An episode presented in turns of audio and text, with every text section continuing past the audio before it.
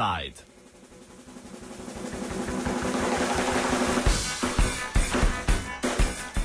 Na včerajšnjih predčasnih parlamentarnih volitvah v Črni Gori je slavila vladna koalicija Evropska Črna Gora, ki jo sestavljata Demokratska stranka socialistov in Socialdemokratska stranka.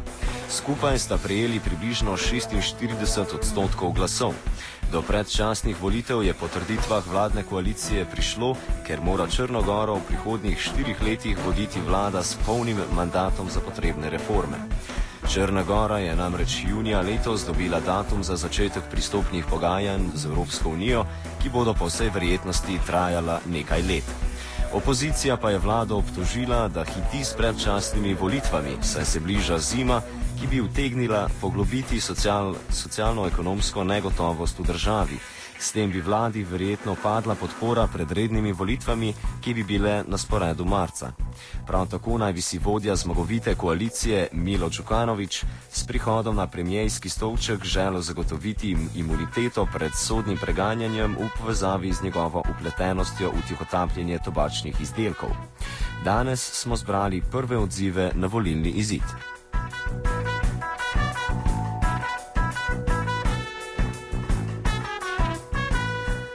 Kako volilni izid komentirajo v mreži za afirmacijo nevladnega sektorja v Črni Gori oziroma krajše MANS, nevladne organizacije, ki si prizadeva za odgovorno, transparentno in učinkovito vlado, govori Vuk Maraž, direktor monitoringa pri MANSu.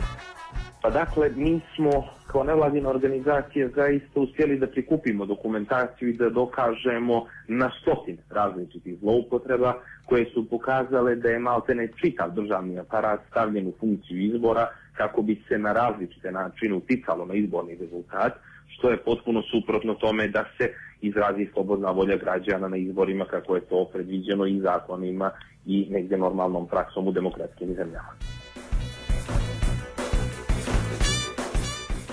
Svoj pogled nam podaja tudi Veselko Koprivica, namestnik glavnega urednika tednika Monitor. Izbori su pokazali da je moćna koalicija Demokratska partija socijalista, socijaldemokratska partija e, uzdrmana ovom prilikom i to je jedno malo iznenađenje. Inače, Demokratska partija socijalista koju predvodi Milo Đukanović na vlasti je već 23 godine. Znači Crna Gora je jedina od bivših jugoslovenskih republika u kojoj je na vlasti nesmjenjiva čija je vlast nesmjenjiva. E, kakve su posljedice mm, polarizacije u Crnoj Gori, siromaštvo, korupcija, organizovani kriminal i tako dalje, na što ukazuju vrlo često iz Europske unije. Ohrabrujuće da je Demokratski front dobio 20 mandata, to je koalicija da tako kažem procrnogorske pokreta za promjene i prosrpske nove u kojoj se nalazi nekoliko stranaka prosrpski orijentisanih. I to je dobar znak e, u smislu pomirenja polarizacije Crne Gore na opet uslovno rečeno crnogorsku i srpsku. E, opozicija je prošla i tako i tako. Ohrabrujuće je što je formirana partija Pozitivna Crna Gora također dobil, prošla možda i najbolje od svih. Dobila je osam mandata. To je sve su ovo nezvanični podaci zato što će sutra biti uh, saopšteni zvanični. Manjinske partije su odigrale značajnu ulogu, Bošnjačka partija, albanske stranke, Hrvatska građanska inicijativa, tako da je politička scena od sada će biti znatno izmijenjena. Demokratska koalicija, Demokratska partija socijalista, socijaldemokratska partija dobila je 39 mandata, eventualno može dobiti i 40 zato što još nisu obrađena sva biračka mjesta ali ne može e, vladu formirati bez pomoći vjerovatno bošnjačke partije i hrvatske građanske inicijative. I to je za naše uslove uspjeh e, zato što nije dobila apsolutnu vlast ali dobila je e, oko 180.000 glasova što je za naše prilike negdje oko oko 20.000 u odnosu na prethodne parlamentarne izbore koji su održani 2009. godine. Šta će se dalje dešavati? Očekujemo razne koalicije i u opoziciji i u vlasti, ali sve u svemu kada se to sabere on, e, ljudi koji koji, koji e, kritikuju ovaj režim, slobodni intelektualci, slobodni mediji, opozicija, ipak mogu biti zadovoljni jer mislimo da je ovo početak kraja apsolutističke vlasti Demokratske partije socijalista koju predvodi Milo Đukanović.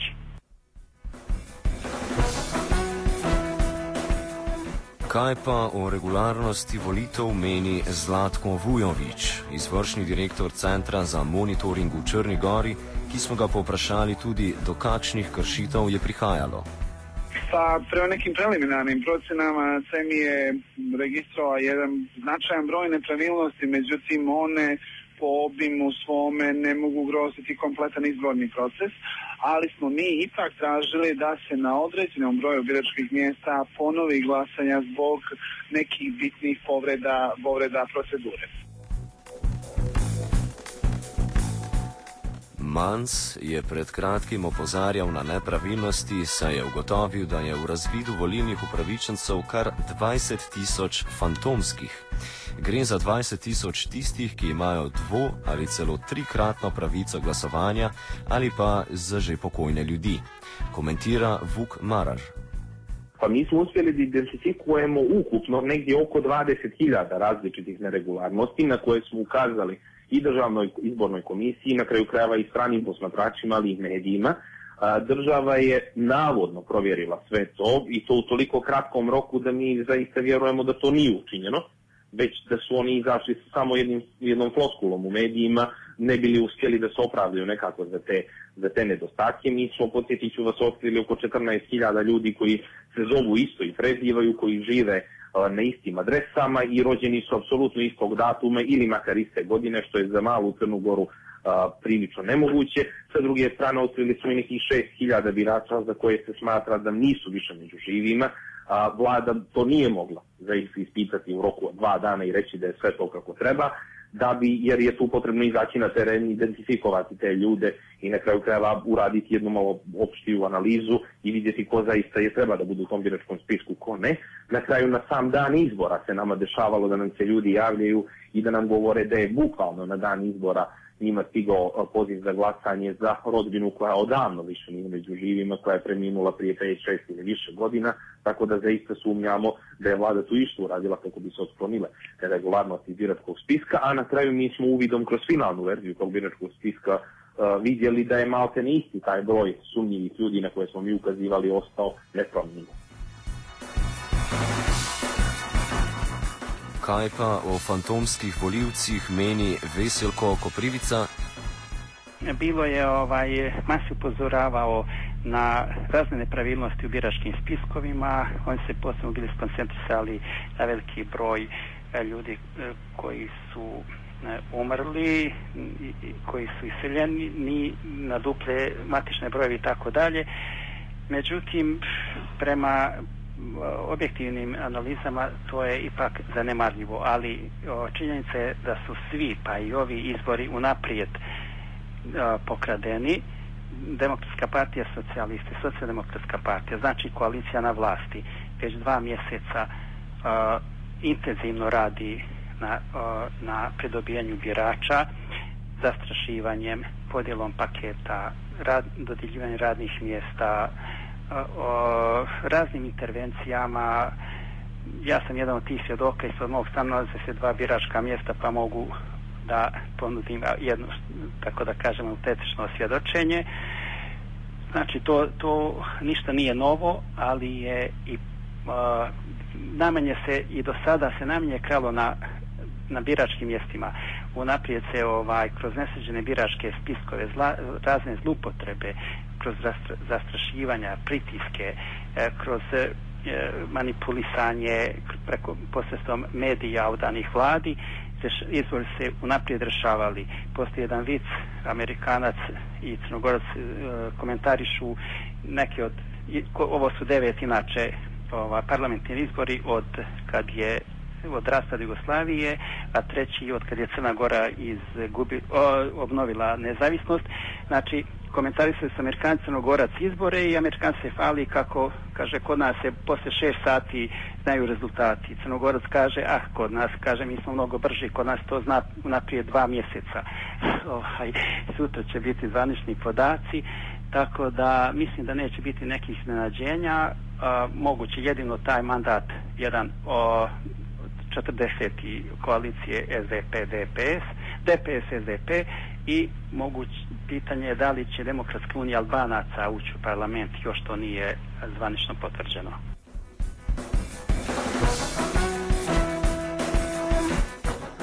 Vujoviča z Centra za monitoring smo poprašali še, kakrš, kakšne kršitve so se dogajale v času predvolilne kampanje. Tokom izborne kampanje bilo je primijećeno dosta zloupotreba državnih resursa. Zakon o financiranju političkih partija, izborni zakon Crne Gore e, zabranjuju korištenje državnih resursa, zapošljavanje tokom predizborne kampanje i prilično striktne odredbe.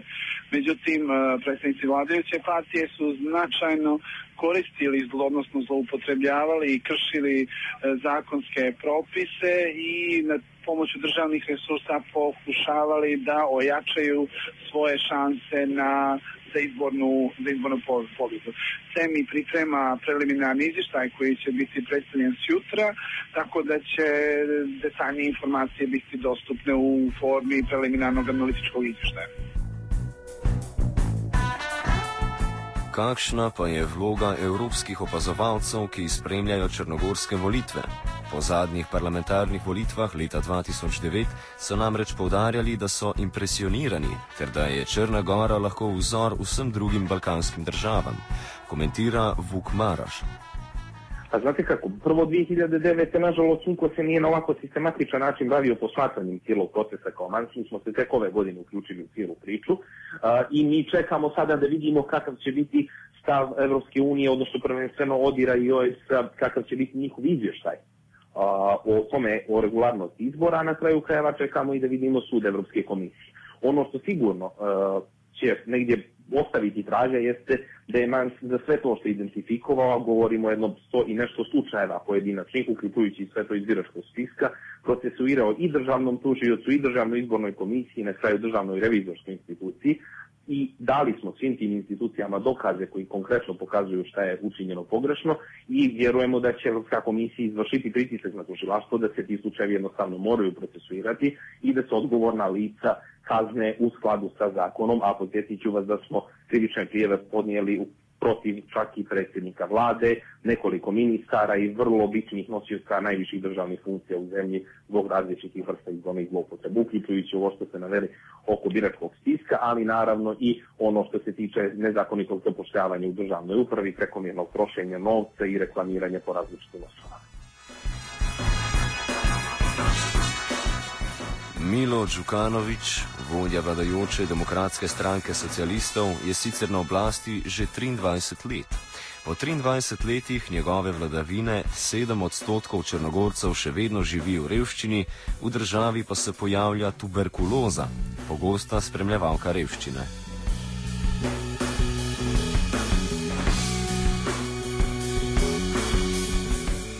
Offside sta pripravila Jaša in Petra.